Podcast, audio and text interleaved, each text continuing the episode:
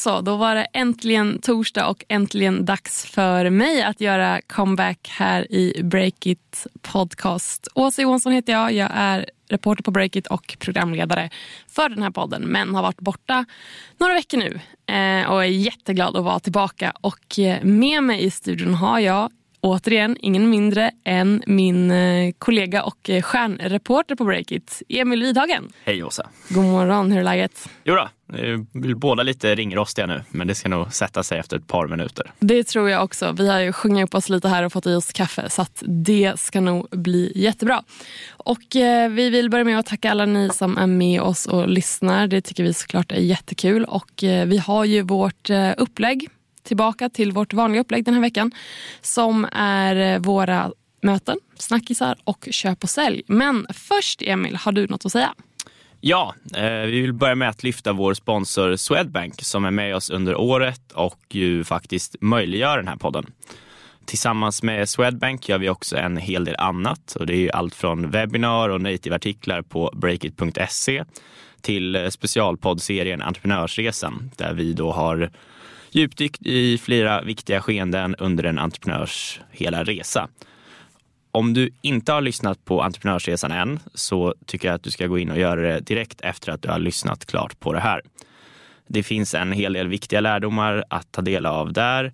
Eh, så kika in eh, där du hittar alla andra eh, poddar i Breakits podcast vanliga flöde. Då. Tack Emil, det där får man ju inte missa. Men då så, då kör vi igång på riktigt. Våra möten. Du börjar. Ska jag börja? Mm. Okej, okay, jag börjar med mitt eh, möte. Jag tänkte hålla det ganska rappt eh, faktiskt för vi har mycket att snacka om den här veckan. Och mitt möte är med en person som heter Arne Hansen. Han är grundare av eh, fintech-uppstickaren Icambio som gav sig in på då fintech-arenan med eh, ja, men en affärsidé att hjälpa företag att sänka sina kostnader för valutaväxling och det med råge. Och det här skulle bolaget göra genom en plattform som de hade utvecklat. Och varför snackar jag då med Arne, eller vi konverserade på mail ska erkännas här för transparensens skull. Jo men det är som så att eh, det här bolaget gick i konkurs väldigt nyligen. Och då frågar vi oss, men hur gick det här till? Bolaget tog in 5 miljoner kronor i riskkapital för här, lite mer än en månad sedan. Jag tror det var i slutet av september.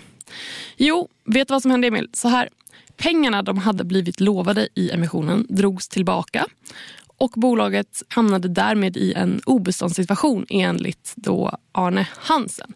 Och, eh, det här är ju verkligen ett tydligt exempel på hur beroende en startup kan vara av sina investerare. Ena dagen så eh, skriver Breakit om att ja, men nu tar de in kapital och de ska köra vidare och utveckla. Men så poff, pengarna borta, drogs tillbaka.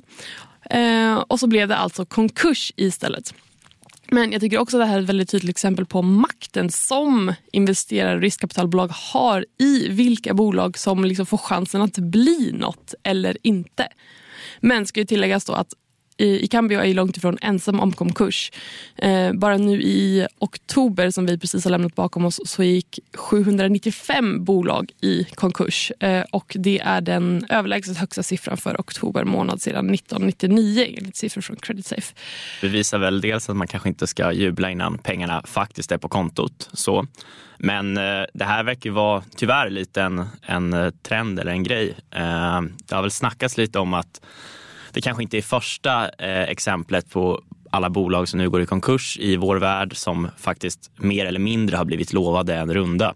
Eh, det blir ju ett jätteproblem då också om man har förhandlat och kanske investeraren har gett eh, eh intrycket av att det här kommer lösa sig, det här blir klart eh, eh om ett bara litet kort tag och sen så går eh, bolagets runway ut, då, pengarna tar slut och sen har man ingen plan B. Man kan inte sälja, man kan inte försöka mergea sig med någon annan utan då blir det ju konkurs helt enkelt. Så ja, en lite verkligen. farlig trend om det här sprider sig och blir ännu vanligare. Ja nej, men så är det onekligen. Men ja, som du säger, alltså, verkligen jubla inte och kanske inte ropa högt om det här förrän pengarna faktiskt har trillat in. Men det är också så här, okej okay, ska man inte kunna lita på sina investerare? Och jag vill vara så här, okej okay, investerarna hade säkert en bra anledning också. De kanske, någonting kanske hände eh, på någon front så de insåg att nej men det här blir inte en bra investering för oss.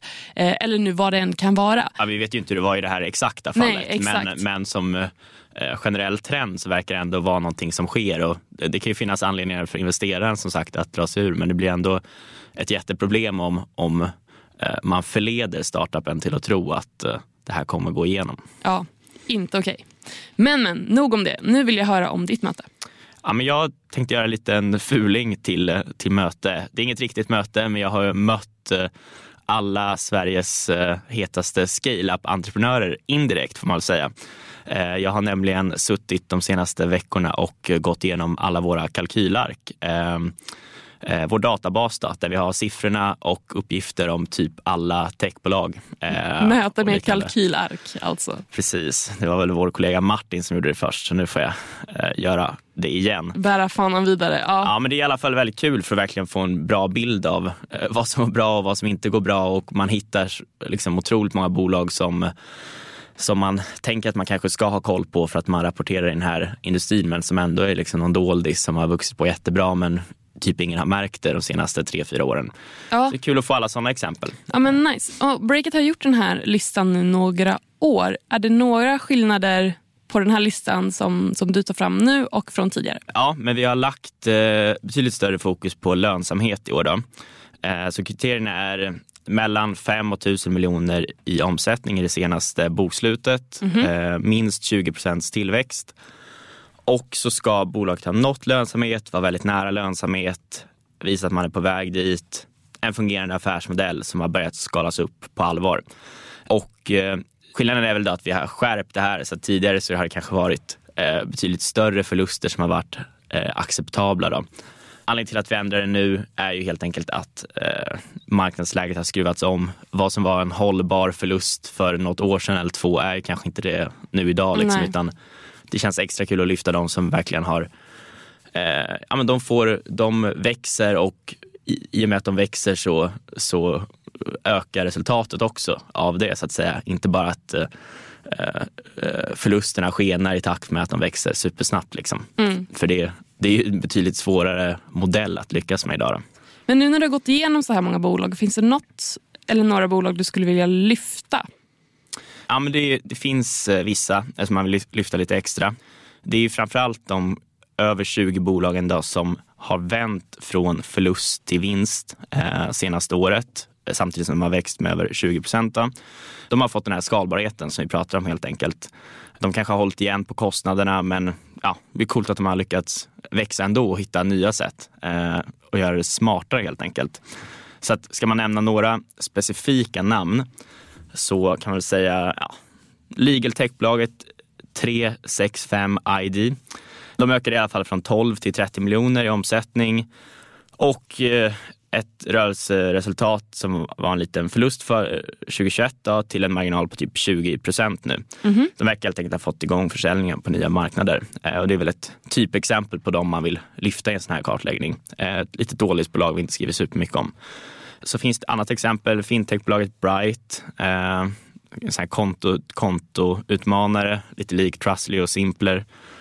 På bara några år har de gått från ingenting till intäkter på över 100 miljoner eh, när de lönsamma på sista raden.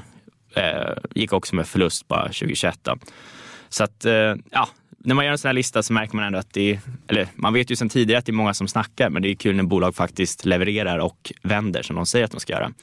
Så att in och kolla på eh, vår sajt helt enkelt så kan du ta del av allt och du kan sortera på högst tillväxt och bäst eh, marginaler 2022 och lite andra sådana grejer i ett kalkylark via infogram. Så kika på vår sajt. Ja, men gör det. Bra sätt att få koll på de hetaste scale-up-bolagen. Ska vi gå in på våra snackisar då? Nu blir det också veckans kanske allra hetaste ämne. Allra hetaste ämne. Ehm, det är nog väldigt många som pratar om det här, funderar om det, kanske till och med oroar sig. Och vi pratar såklart om strejkhärvan på Klarna. Den här konflikten på betaljätten började ju eh, i eh, ja, Klarnas sparpaket för ett och ett halvt år sedan ungefär. Då var tionde anställd varslades om uppsägning utan att bolaget först kontaktade facket. Och ja, med avstamp i det så har eh, flera fackförbund sedan dess tagit strid för ett kollektivavtal och förra veckan så bröts förhandlingarna. Det var Unionen och Sveriges Ingenjörer som varslade om strejk med start den 7 november om konflikten inte kan lösas. Och Det innebär att arbetsuppgifterna sätts i blockad och det blir förbjudet för Klarna att hyra in personal för att göra jobbet. Och 7 november det är ju faktiskt eh, så snart som nästa vecka. Och eh, vad som ska nämnas mer är att eh, sedan förra veckan så har parterna gått ganska hårt mot varandra. Exempelvis så i fredags delade Klarna ut flygblad till anställda där bolaget bland annat hävdade att vaccinationer och frukt på jobbet blir ett minne blott med ett kollektivavtal. Det här med fysiska flygblad, det gjorde väl Spotify också när eh, fackförbunden krävde kollektivavtal senast? Ja, exakt. På tal om trender då. Eh, det var ju när Spotify var i ropet ganska nyligen också med eh, förhandlingar om kollektivavtal så delade de ut fysiska flygblad där liksom bolaget presenterades vad som kallas för Spotify-modellen. De här villkoren får anställda på Spotify nu och så här kommer det se ut med kollektivavtal. Men i ungefär samma veva som Klarna då delade ut de här flygbladen så kallade även eh, grundaren och vdn Sebastian Sematkowski alla Klarna-anställda till ett eh, internt stormöte och sa bland annat att det är en hemskt dålig idé att strejka och att det kan ge konsekvenser som de kanske inte kan återhämta sig ifrån. Plus att i måndags då den här veckan så ja, konflikten växte ytterligare. Då.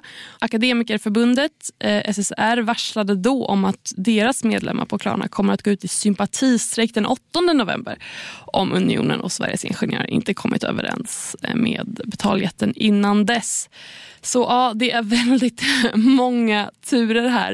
Eh, men någonting som är kanske det viktigaste att säga är att amen, liksom vid det här laget nu i, i det senaste så har flera källor från, alltså inifrån Klarna vittnat för breaket om att de känner sig fångade i skottelden mellan facken och arbetsgivare och anklagar fackförbunden för att i deras namn ta en strid som de inte vill ta.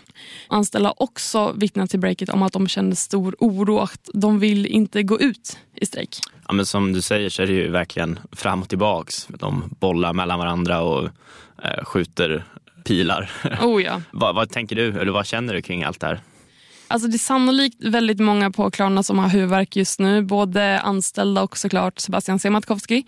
Eh, men någonting som jag verkligen liksom tänker på är att i och med att alltså, flera källor som jobbar på bolaget vittnar om att de känner sig fångade i den här skottelden mellan facken och arbetsgivare. Eh, alltså det, det är verkligen inte okej. Okay. Alltså självklart så måste bolag och fack kunna förhandla och det måste finnas en dialog och diskussion och så vidare. Men nu uppfattar jag det som det kanske inte är så, men i min uppfattning så känns det som att anställda känner att de kommer i kläm och det är verkligen inte okej. Okay. För att alltså, oavsett om man som anställd vill ha kollektivavtal eller inte så ska förhandlingen skötas snyggare eller bättre än så här, tycker jag. Men jag känner också att det kan finnas en men, så här, generell eh, men, okunskap bland anställda om vilka för och nackdelar som finns för både anställda och arbetsgivare med att ha kollektivavtal. Att man därför kanske inte liksom riktigt vet vilken sida man står på. Då är det klart att det skapar en väldig stress. Ehm, och Särskilt då, liksom, om det är varsel om strejk. Jaha, ska man ut i strejk? Vad innebär det? Vad, vad betyder det? Och så vidare. Ehm, och Vi ska inte gå in på alla detaljer kring ett kollektivavtal och strejk nu. Men om man känner sig lite osäker vad det är som gäller, vilka för och nackdelar det finns och så vidare. Så in och läs på breakit.se för där finns en riktigt matig, förklarande och användbar guide som vi publicerade häromdagen. Men du, om man tittar på Klarna nu då. Eh, varför skulle de eventuellt inte vilja ha ett kollektivavtal? Eh, är det vad som kanske känns allra mest uppenbart att de inte vill förhandla med facken vid en omorganisation eller kan det finnas något annat? Eh, ja men absolut, det skulle jag säga är det korta svaret. Klarna har ju verkligen varit tillväxt, tillväxt, tillväxt, liksom haft det fokus och sen tvingades då vända ganska hårt för att verkligen fokusera på att bli lönsamma. Och som sagt, de varslade under förra våren, det var mängder av folk som fick gå. Och då annonserades det genom ett förinspelat tal av Sebastian, alltså vdn. Och det är så verkligen under all kritik. Och skulle bolaget ha ett kollektivavtal så är det verkligen locket på med sånt. Plus att man då behöver sätta sig vid förhandlingsbordet med fackförbund vid förändringar om organisationer som berör personalen. Och samtidigt, alltså det är ju väldigt knepiga tider nu med allt svårare ekonomi och det är klart att bolag, eh, inte bara Klarna men bo, alltså, mm, techbolag generellt vill vara så flexibla som möjligt med sina kostnader och därmed också flexibla med sina anställda. Vad tror du att Sebastian Semjatkovski står i allt det här då? Ja, alltså i och med att liksom, förhandlingarna verkar ha spårat ur och det är strejkvarsel på gång så känns det inte som att han älskar kollektivavtal. Men om man vänder på det, alltså man måste ju ändå gissa att Sebastians prio är att göra det som är bäst för bolaget. Och ju snabbare Klarna blir ett sundare bolag desto bättre kommer det att bli för anställda framöver. Men ska sägas då att Sen Kanner som är ordförande i lokala fackklubben på Klarna är kritisk mot hur Sebastian har agerat i förhandlingarna. Eh, och Det är någonting hon har sagt till DI. Eh, och att han anslöt till förhandlingarna när det i stort sett var klara och att eh, det från hans håll inte fanns någon intention att fortsätta. Och vid det senaste mötet kom då facket fram till att eh, Medlingsinstitutet behöver tas in. Men med det sagt, jag har inte pratat med Sebastian Siemiatkowski så jag kan inte säga exakt var han står. Men av de här sakerna att döma som det har rapporterats om så känns det som att han är inte jättetaggad på kollektivavtal. Jag tänker också att de har ju en del stora amerikanska investerare, eh, till exempel Sequoia då, som ja. sitter i Silicon Valley. Det är svårt att veta vem, vem som säger vad genom vem. Eh, det är en sak, i Sverige så är det ju ändå även techledare är ju generellt betydligt närmare liksom svensk konsensus kanske än vad en Silicon Valley-person som bara inte fattar någonting och tycker att man ska kunna sparka någon på dagen utan anledning. Liksom. Så det är svårt att veta. De kanske pushas på, andra techbolag också pushas på av sina amerikanska ägare som tycker att det här är vansinne. Typ. Ja men så är det säkert. Men vart står du då? Min spontana tanke genom hela den här konflikten har väl varit lite att eh, Ja, man ska såklart ifrågasätta Klarnas ageranden som stort företag. Jag tycker ändå inte man får glömma att ifrågasätta fackförbunden också. De är också en, en maktspelare som har egna intressen. Och jag tycker inte, det är inte solklart att de eh, går sina egna medlemmars intressen här ännu. Vi har ju pratat med anställda som vittnar om en annan bild och att det är väldigt splittrat. Jag tänker i alla fall att man kan säga att eh, eh Klarna är ju ett företag som har ett rätt dåligt rykte hos många på grund av sin kreditverksamhet. Då. Med det i åtanke så blir det också ganska tacksamt att driva ett eh, case och lite statuera ett exempel eh, om fackförbunden vill få in mer, mer kollektivavtal i techbranschen generellt. Man kör en liten testballong för att se om det går här och eh, kanske kunna få till kollektivavtal hos fler. De har ju ett starkt förhandlingsläge nu inför Black Friday och julhandel som är en viktig period för Klarna. Det är supersvårt att säga någonting säkert som sagt, men man kanske inte kan vara helt säker på att de har ju sina egna intressen i det här också, fackförbunden, att de vill flytta fram sina positioner i techbranschen. Det är inte säkert att de liksom har lyssnat in sina medlemmar och gör det de vill nu. Det tycker jag man kan Men, ifrågasätta åtminstone. Ja, alltså jag håller absolut med dig att det ska, jag tycker att alla parter ska ifrågasättas. Ja, ja. Men alltså, vad skulle fackförbunden vinna på om, säg att majoriteten en absolut övervägande majoritet var såhär, men vi vill inte ha kollektivavtal. Varför skulle de då fortsätta trycka på om det, är så här, om det finns en uppenbar liksom så här, vilja från anställda att inte ha kollektivavtal? Argumentet som man kan föra fram är väl att de i så fall skulle ha lättare att eh, kunna få till nästa kollektivavtal. Det här är ju den stora, den allra största onoterade techspelaren i Sverige. Det är ganska många därunder som inte heller har kollektivavtal och då tänker man att man liksom man får till det med den allra största först, visar att det går där och eh, att sen så börjar man, man testa lite hur det funkar. Det. Alltså, går det jättebra där, ja, mm. det blir svårare för nästa, nästa spelare att säga nej om stora Klarna fick säga ja så att säga. Men säg då om det blir ett alltså, locket på för kollektivavtal på Klarna. Det blir locket på för Spotify. De, de förhandlingarna kanske tas upp, det vet, det vet mm. ju inte vi. Vad tror du händer då med resten av techbranschen, kommer, kommer det sätta standarden sen? för att Visst, det kanske är mindre uppstickare som bara okej, okay, vi skaffar kollektivavtal. Men de här stora giganterna som verkligen alltså, ritar om spelplanen för exempelvis ja, men musik eller eh, betalningar. Ja, då kanske det, om de inte lyckas med Klarna så kan man kanske tänka sig att det inte sker så jättestor förändring mot hur det ser ut idag. Vissa eh, snabbväxare har det, vissa har det inte. Det blir lite individuellt medan det kanske att få med någon av de här stora jättarna eller flera skulle ju kunna mer bana vägen för att det blir den allmänna lösningen som i princip de flesta har. Ja, vi får eh, se helt enkelt och vi rapporterar vidare såklart. Och om ni som lyssnar har inspel, ni kanske har tips, ni kanske vill berätta någonting om, om eh, insyn eller bara kommentera och ha en åsikt så hör jätte, jättegärna av er. Mig når ni på asa.breakit.se. Mig når ni på emil.breakit.se. Yes. Vi går vidare på vår nästa snackis som handlar om ja, men, eh, slaget om eh, second hand-marknaden. Mm, eh, så kan man säga. second hand-handlare är ju ett segment som har fått ett riktigt uppsving de senaste åren. det har ju nästan blivit en statussymbol att handla second hand och en mängd nya uppstickare har dykt upp som vill helt enkelt serva kunderna när efterfrågan rusar. Det finns fortfarande stora utmaningar här. Eh, hur ska man få affären att flyga? Eh, en fråga, mycket osäkerhet kring hur allt ska funka rent logistiskt och sådär. Breakit och eh, vår reporterkollega Julia Lundin har nu gjort en stor kartläggning av hela den här hela det här slaget om den här marknaden. Eh, och det verkar nu alltså intensifieras, eh, inte minst när nya lagkrav kan ge en boost till hela industrin. Framförallt är det här något som nu ökar bland unga med tjänster som exempelvis Plick och Vinted där man köper och säljer eh, mellan konsumenterna direkt, då, typ som man köper någonting mm. på Blocket och eh, man kan buda lite mot varandra och sådär också som jag har förstått det. Köper du någonting second hand digitalt Åsa? Eh, vad är dina erfarenheter av det här? Uh, inte mycket ska jag inte känna. Jag är super mega minimalistisk. Om jag köper någonting så är det en händelse.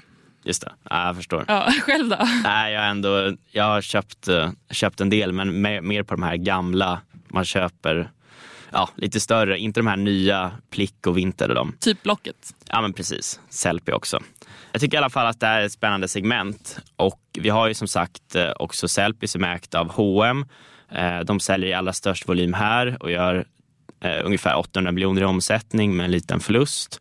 Vi har också som sagt Tradera Blocket eh, som kanske har kommit lite längre och varit med eh, fler år. Mm. Eh, de här nya då, Plick och Vinter har ju tagit in en hel del riskkapital, eh, pengar från etablerade spelare som Schibsted och EQT. Så det vittnar väl ändå någonstans på att det är fler som tror att det här kommer växa nu. Ja, de har tagit in ganska mycket kapital också. Jag har inga siffror i huvudet men det, är, alltså, det är inte en så liten ägare på ett hörn, typ Schibsted. De har ju ganska stora. Ja, verkligen. Ja. verkligen. Eh, siffror från eh, Svensk Handel eh, visar i alla fall att försäljningen av begagnade varor har ökat med i snitt 11 procent per år de senaste fem åren. Och det kan väl jämföras med 3,6 procent för detaljhandeln i stort. Men vad är det som ligger bakom att det ökar nu då? Eh, ja, men det grundläggande är väl att ja, hela slit och slängkulturen är en jätteklimatbov. Mm -hmm den kulturen börjar få ett motstånd både bland konsumenter och lagstiftare och det gynnar ju second både nu och framåt. Eh, det har också blivit en uppsving i ren status då att det ses som ja, mer något naturligt och någonting som, som eh, fördelaktigt jämfört med att köpa något nytt och det här var ju helt annorlunda tidigare.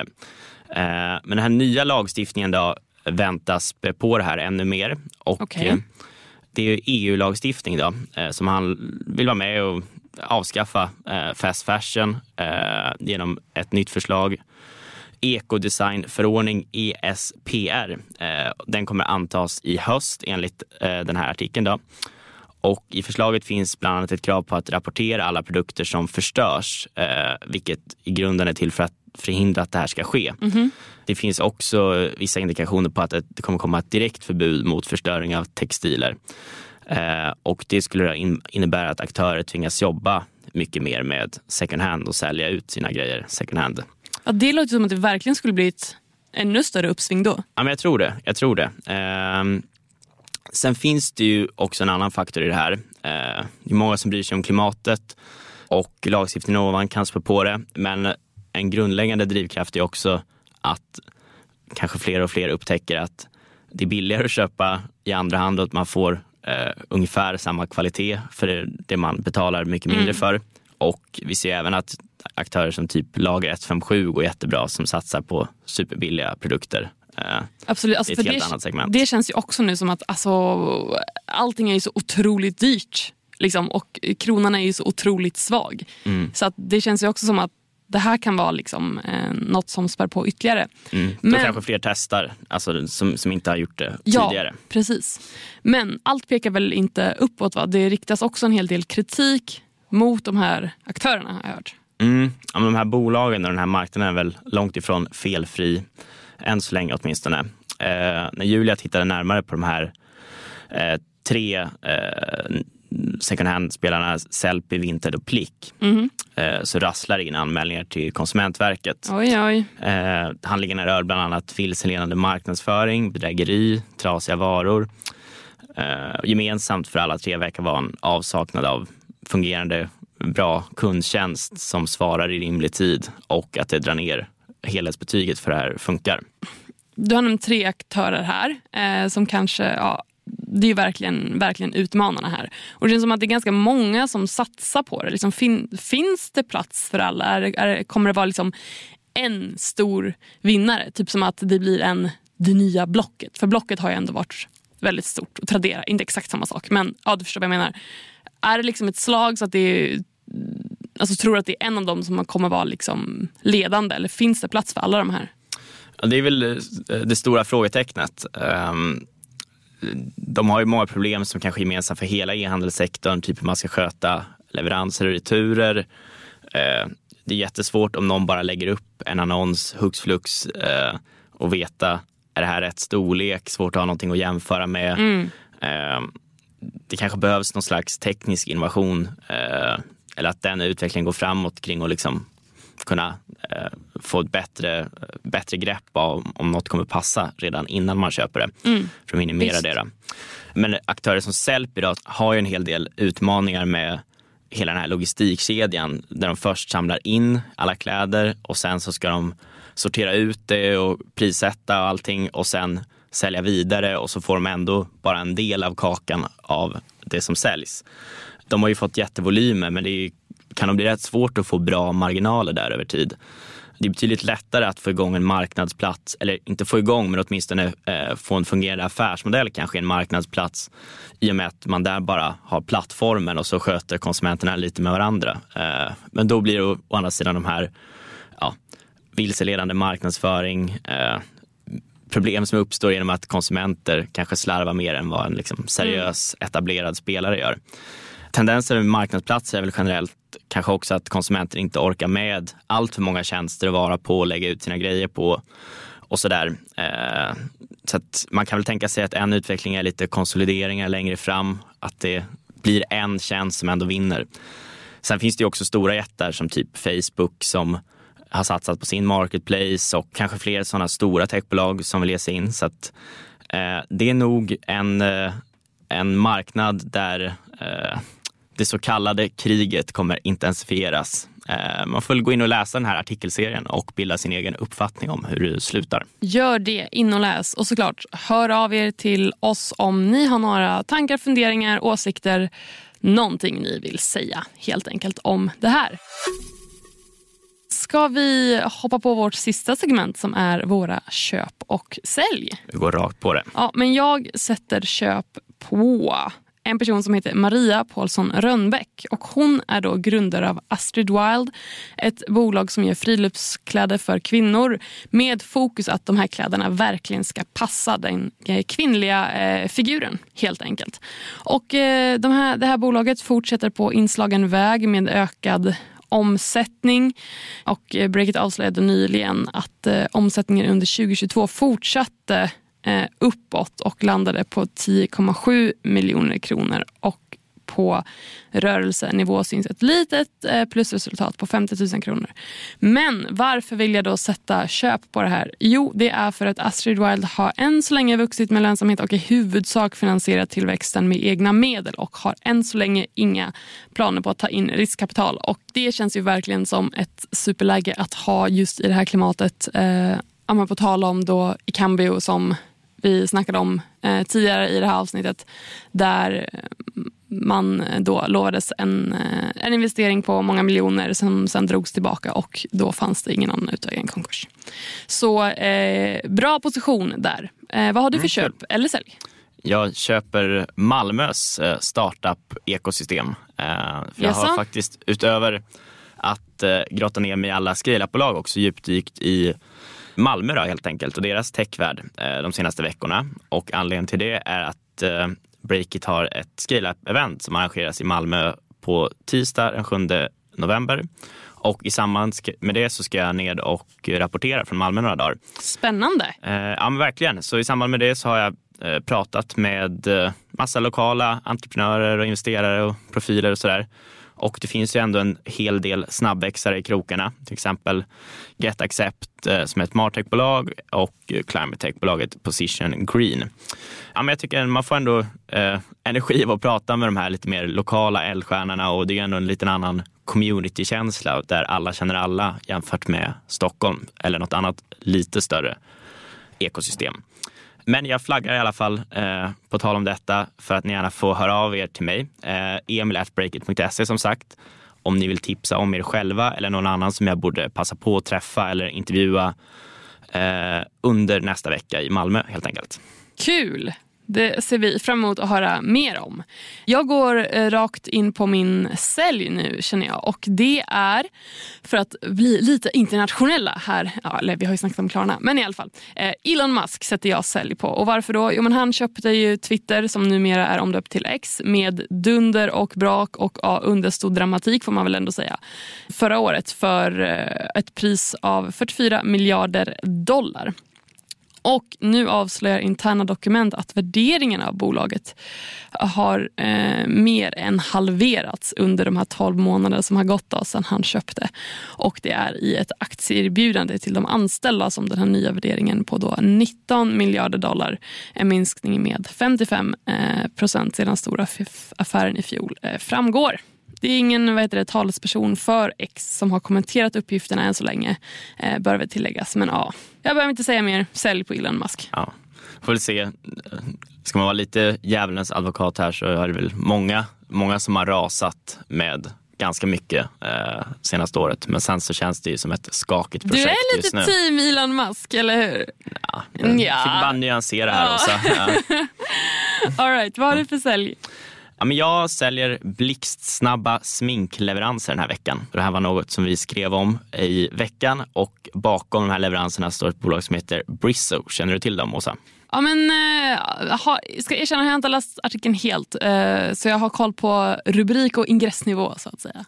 Ja, men det här är i alla fall en ny startup då, som vill ha jättesnabba e-handelsleveranser, lite likt Last Mile-utmanare som Kaval och Vembla med mat de senaste åren. Så lovar det här bolaget att det nu ska gå att få andra prylar jättesnabbt på bara någon timme. Vi skrev om det här eh, när de fick in sin första runda och nyheten nu är alltså att eh, de helt enkelt ska samarbeta med sminkbolaget Indie Beauty och deras eh, eh e-handelslösning så man ska kunna få smink jättesnabbt. Och eh, det blir väl en sälj för att det helt enkelt känns rätt så ur tiden. Kaval och andra liknande aktörer har ju generellt misslyckats i praktiken. Hur ska de här klara sig nu när det är helt andra betydligt tuffare kapitalmarknadstider. De här pumpades med flera hundra miljoner i vissa fall. Går det här verkligen att få lönsamt nu när det är ännu svårare att få kapital i början av ett bolag och göra det här på jättestor skala? Eh, jag är själv rätt lat. Jag skulle säkert använda det och beställa eh, prylar om det var tillräckligt billigt. Och det är jätteskönt att få någonting direkt. Så jag blir gärna motbevisad, men jag har eh, väldigt svårt att se att det här är något som ska flyga när man drar igång nu. Jag blir också gärna motbevisad. Jag är inte riktigt så här, jag beställer inte så mycket grejer så jag är verkligen inte kund. Men ja, vi får se helt enkelt. Det, det är härligt att bli motbevisad då. Mm. Verkligen. Prove us wrong please. All right, men med det sagt då. Har vi någonting mer vi vill skicka med? Eller ska vi tacka för oss? Nej, det är väl alltid kul med inspel. får man gärna skicka till oss. Ja, ni eh, kära lyssnare hör ju hur mycket vi vill ha era mejl. Så hör av er. Mig når ni på asa.breakit.se. Mig når ni på emil.breakit.se. Då så, då tackar vi för den här veckan så hörs vi eh, nästa vecka. Ha det bra. Hej då.